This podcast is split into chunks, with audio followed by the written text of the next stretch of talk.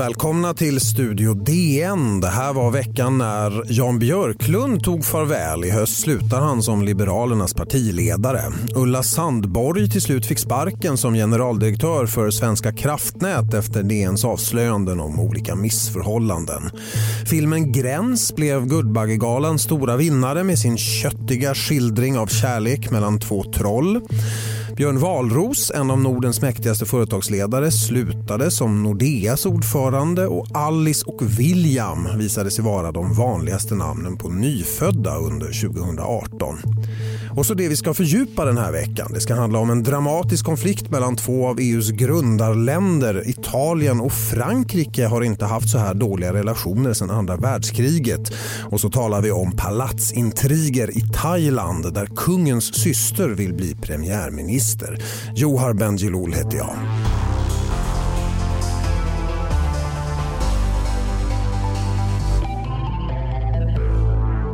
Studio DN i detta. Det är den 8 februari. Det, vi spelar in det här vid lunch ungefär och vi ska börja med att tala om den dåliga stämningen mellan Frankrike och Italien. Två av EUs största ekonomier, två euroländer.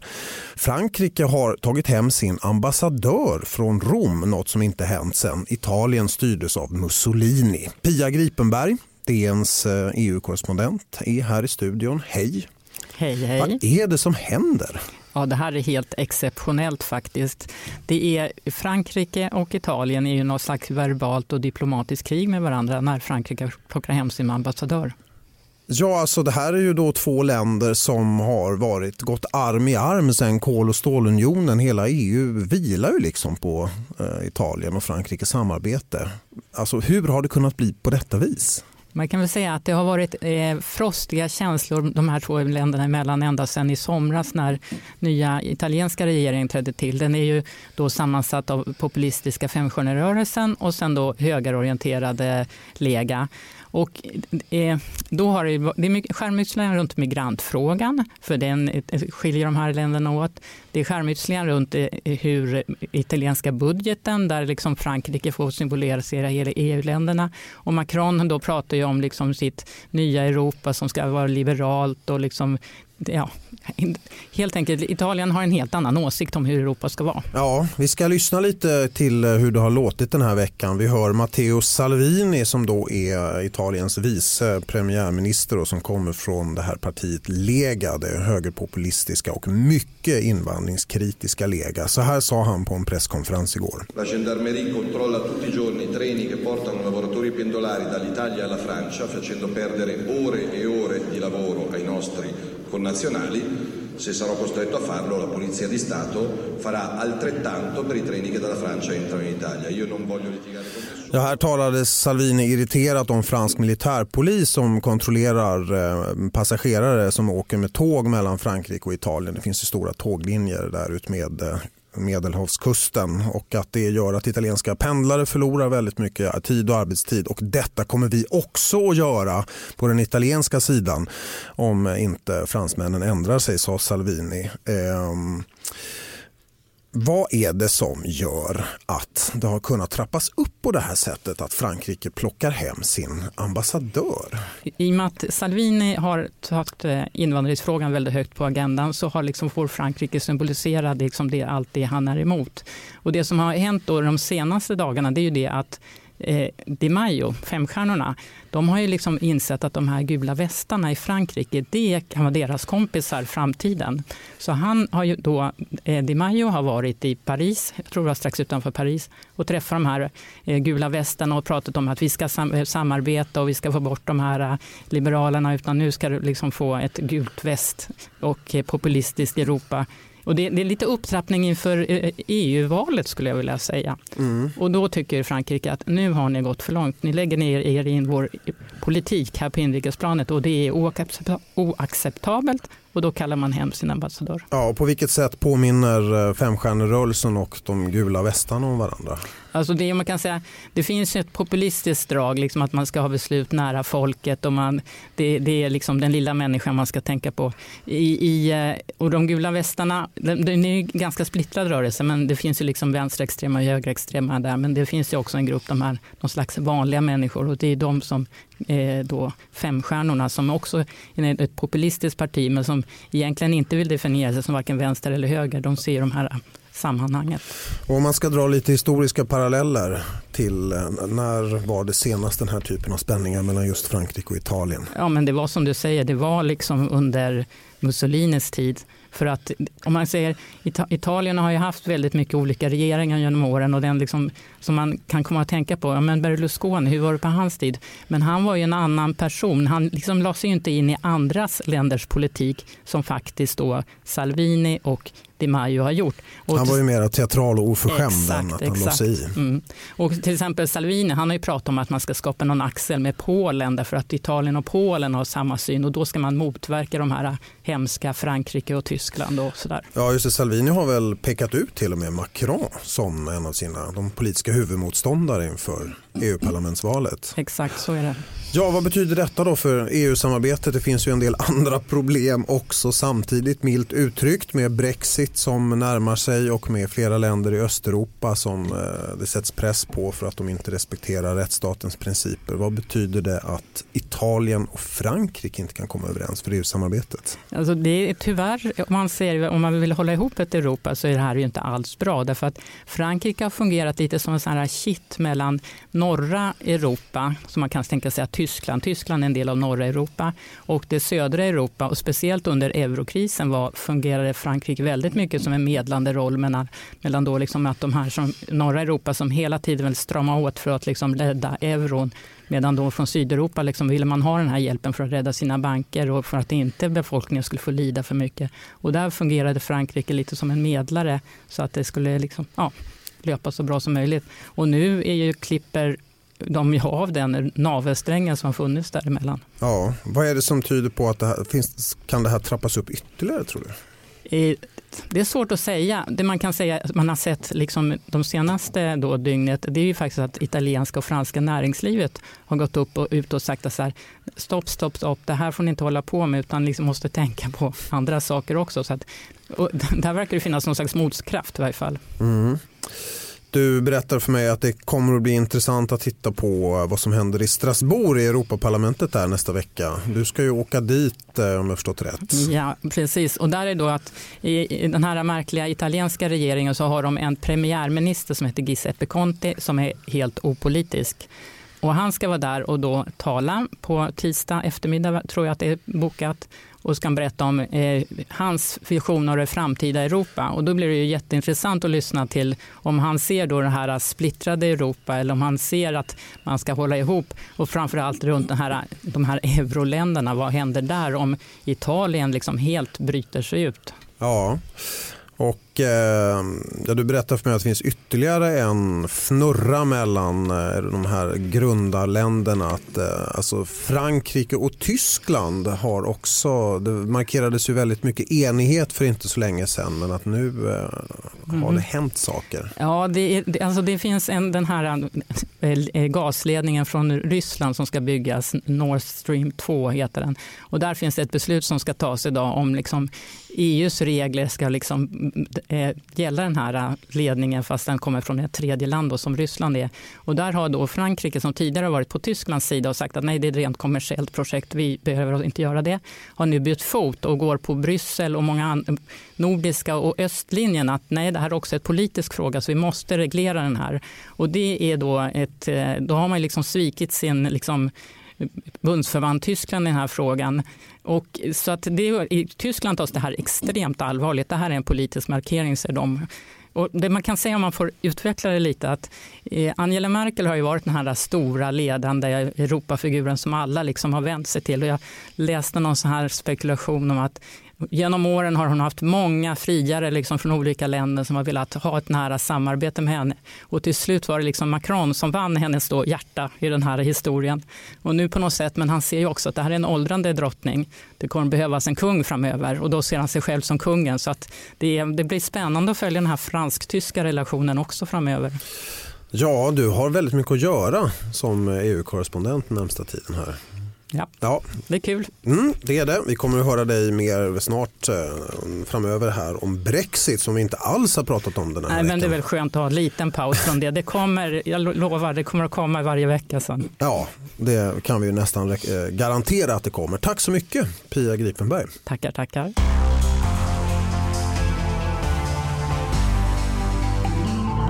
Då ska vi vidare i Studio DN till Thailand där eh, politiska bedömare gapar förvånat över nyheten att kungens syster vill bli premiärminister. Thailand är ju ett land där kungahuset har en mycket stark ställning och att en kunglighet också har politiska ambitioner på det här sättet har verkligen väckt förvåning. Torbjörn Pettersson, eh, DNs reporter, har tidigare varit korrespondent i Asien, skriver mycket om Asien fortfarande. Välkommen. Tack så mycket. Ja, vad är det som har hänt här? Ja, det kan man verkligen fråga sig. Eh, att en kunglighet går in i politiken på det sättet. Det har ju inte hänt på de 85 år som har gått sedan Thailands absoluta monarki upphörde. Och det här ställer ju alla tidigare begrepp på ända. Särskilt som då det verkar som att en kunglighet lierar sig med det stora arbetarpartiet. Tidigare är det ju så att kungen och militären har hållit, hållit ihop väldigt mycket. Mm. Och vad säger förstås påarna som följer Thailands politik om de här omkastningarna? Alltså, det har ju kommit så snabbt och oväntat så det har inte kommit så många kommentarer än. Men de få som har kommit ut har ju sagt att ja, men, eh, kungens äldre syster hon har nog ganska stora chanser att bli premiärminister för hon är ett känt ansikte. Hon är skådespelerska, har varit med i många filmer i Thailand och är allmänt populär. Och hon ställs ju mot då Eh, den nuvarande premiär, premiärministern, han som var general när den förra militärkuppen skedde och sen, 2014 eh, och sen utsåg han sig själv till premiärminister. Och i ett slag, han kanske trodde att han skulle ha en chans i valet nu den 24 mars men det här blir mycket svårare för honom. Mm. Det är ju också så att eh, kungahuset i Thailand har en väldigt speciell ställning. Man behöver kanske veta det för att förstå detta. Det absolut. Eh, de är ju högt vördnade i hela landet folk hänger upp bilder på dem hemma. Det vet ju många svenskar nu som har varit där. De har sett de här bilderna på kungen och drottningen på restauranger men också hemma hos thailändare och utomhus på allmänna platser finns de. Eh, men de skydda, har ju också alltid skyddats av en majestätslag som har gjort det faktiskt olagligt att offentligt kritisera kungahuset. Och gör du det och anses förtala kungahuset då kan du sättas i fängelse mellan 3 och 15 år. Ja, och vad händer då om eh, Thailand får en premiär premiärminister som är en del av det här kungahuset? Ja, det, är en, det är en bra fråga. Det är det som är väldigt spektakulärt. Då. Hon, eh, Ubul Ratani, som hon heter, eh, kungens äldre syster, hon avsade sig sin kungliga titel när hon gifte sig i USA på 70 i början på 70-talet. Men sen skilde hon sig och kom tillbaka till Thailand. Eh, och eh, nu sägs det att hon ska återta sin kungliga titel i samband med att hennes bror, kungen, kröns vid en ceremoni i maj. Och vad som händer då, eh, det blir väldigt intressant att följa därför att då blir det ju olagligt att kritisera premiärministern. Ja, det är komplicerat i thailändsk politik. Det är ganska komplicerat och det som gör det ännu mer komplicerat är att man alla trodde att de visste vilka olika fraktioner som hörde ihop. Att det var militären och kungahuset som gjorde gemensam sak mot eh, familjen Shinawat som har varit premiärministrar i olika omgångar som alltid har backat upp backats upp av de stora fattiga massorna, framförallt i nordöstra Thailand. Men så är det ju inte längre. Nej, kanske. Det är ju då den här um, Taksin, den äldre brodern som är den här kända affärsmannen som är oerhört Precis. rik, som ägde fotbollslaget Manchester City och så vidare och så hans eh, lilla syster Jingluk. Vad har de för roll nu i Thailand? Eh, man kan backa tillbaka bandet lite till 2001. Då hade ju Thailand styrts helt och hållet i, egentligen av politiker som såg väldigt ensidigt till Eh, Eh, den, eh, till den rika elitens eh, eh, sak i Bangkok. Sen kom taxin, eh, konstitutionen hade skrivits om, eh, taxin förstod snabbt att här finns det saker att göra.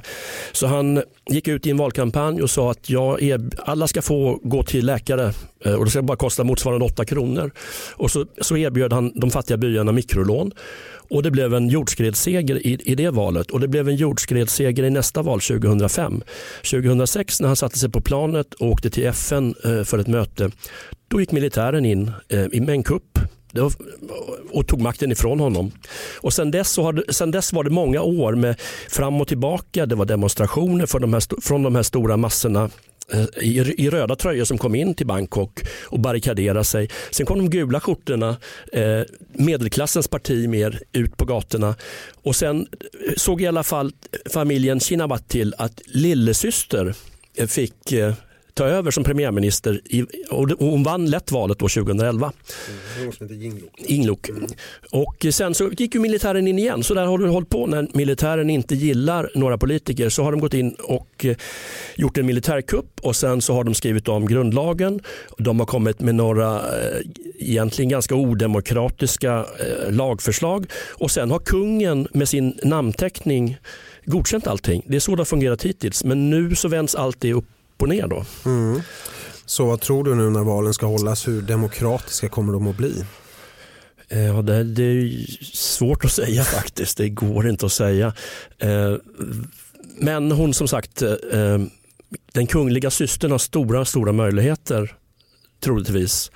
Om valet nu hålls som det är planerat. Det vet man ju inte. Mm. Annars en stor händelse i Thailand det är ju i maj mm. när kungen då ska krönas. Mm. Det kommer att bli en väldigt stor ceremoni också. Mm. Ja, tack för denna inblick Torbjörn Pettersson i thailändsk politik, ett land som ju många svenskar har starka relationer till, kanske inte så mycket politiken som semesterorterna och så. Tack ska du ha.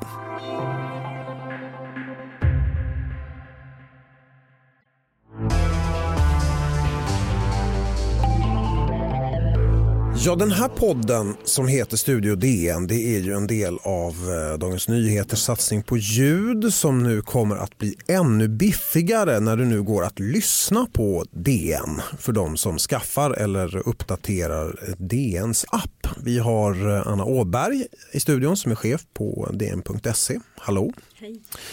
Vad är det som händer med det här med att lyssna på DN?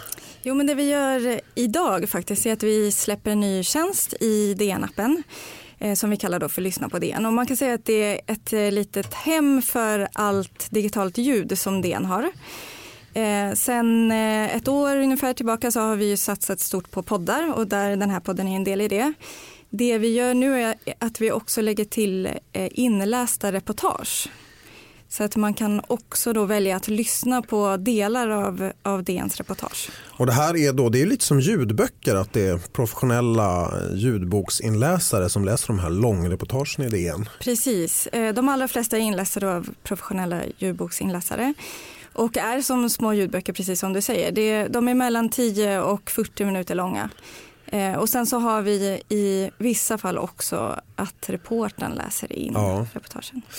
Just det, och nu, vad är det som finns nu i appen då? Man, vad är det första man kan lyssna på? Det som finns nu är 88 eh, poddavsnitt ja. Eh, som vi har samlat på oss. Och sen 20 reportage som finns än så länge. Och sen så fyller vi på med minst två reportage i veckan. Mm. Jag såg det som låg överst nu var det här Evelyn Jones och eh, Lotta Hedlin hade gjort ett reportage om sexrobotar. Precis. En fabrik för sådana i Kalifornien som var väldigt fascinerande. Då är det en ljudboksinläsare som berättar den här historien. Ja, precis. Och det där är typexempel på den typen av innehåll som kommer finnas där. Det är, i, I de inlästa delarna så är det eh, två kategorier. DN Story eh, som är reportage och berättelser om vår samtid. Och sen DN Fakta som är reportage som hjälper eh, läsaren eller lyssnaren i det här fallet att förstå sig själv och sin omvärld. Och sen finns det också möjligheten till, man kan få sån maskinuppläsning av en del av artiklar också. Precis, eh, så att egentligen så kan man lyssna på allt innehåll som finns eh, i appen. Eh, och det man kan göra då är att välja att få en artikel maskinuppläst och då använder vi den teknik av röstassistenter som finns inbyggda i de flesta mobiler. Ja, så att då är det lite hackigt och ja, kanske inte lite robotlikt. Nej, precis, lite robotlikt kan man säga. En del tycker att det är, är, är helt okej att lyssna på det och andra vill kanske hellre ha de här inlästa reportagen. Mm. Och detta alltså i den som skaffar DNs app eller uppdaterar den, redan har den och uppdaterar den Precis. i sina telefoner. Kan Ja. ta del av allt detta. Ja. Mm. Tack så mycket Tack. Anna Åberg som är chef på dn.se. Det var allt eh, för den här veckan. Studio DN produceras av Augustin Erba, teknik Oliver Bergman. Joar Bendjelloul heter jag som sitter vid mikrofonen. Studio DN är ett samarbete mellan Bauer Media och Dagens Nyheter. Tack för att ni har lyssnat.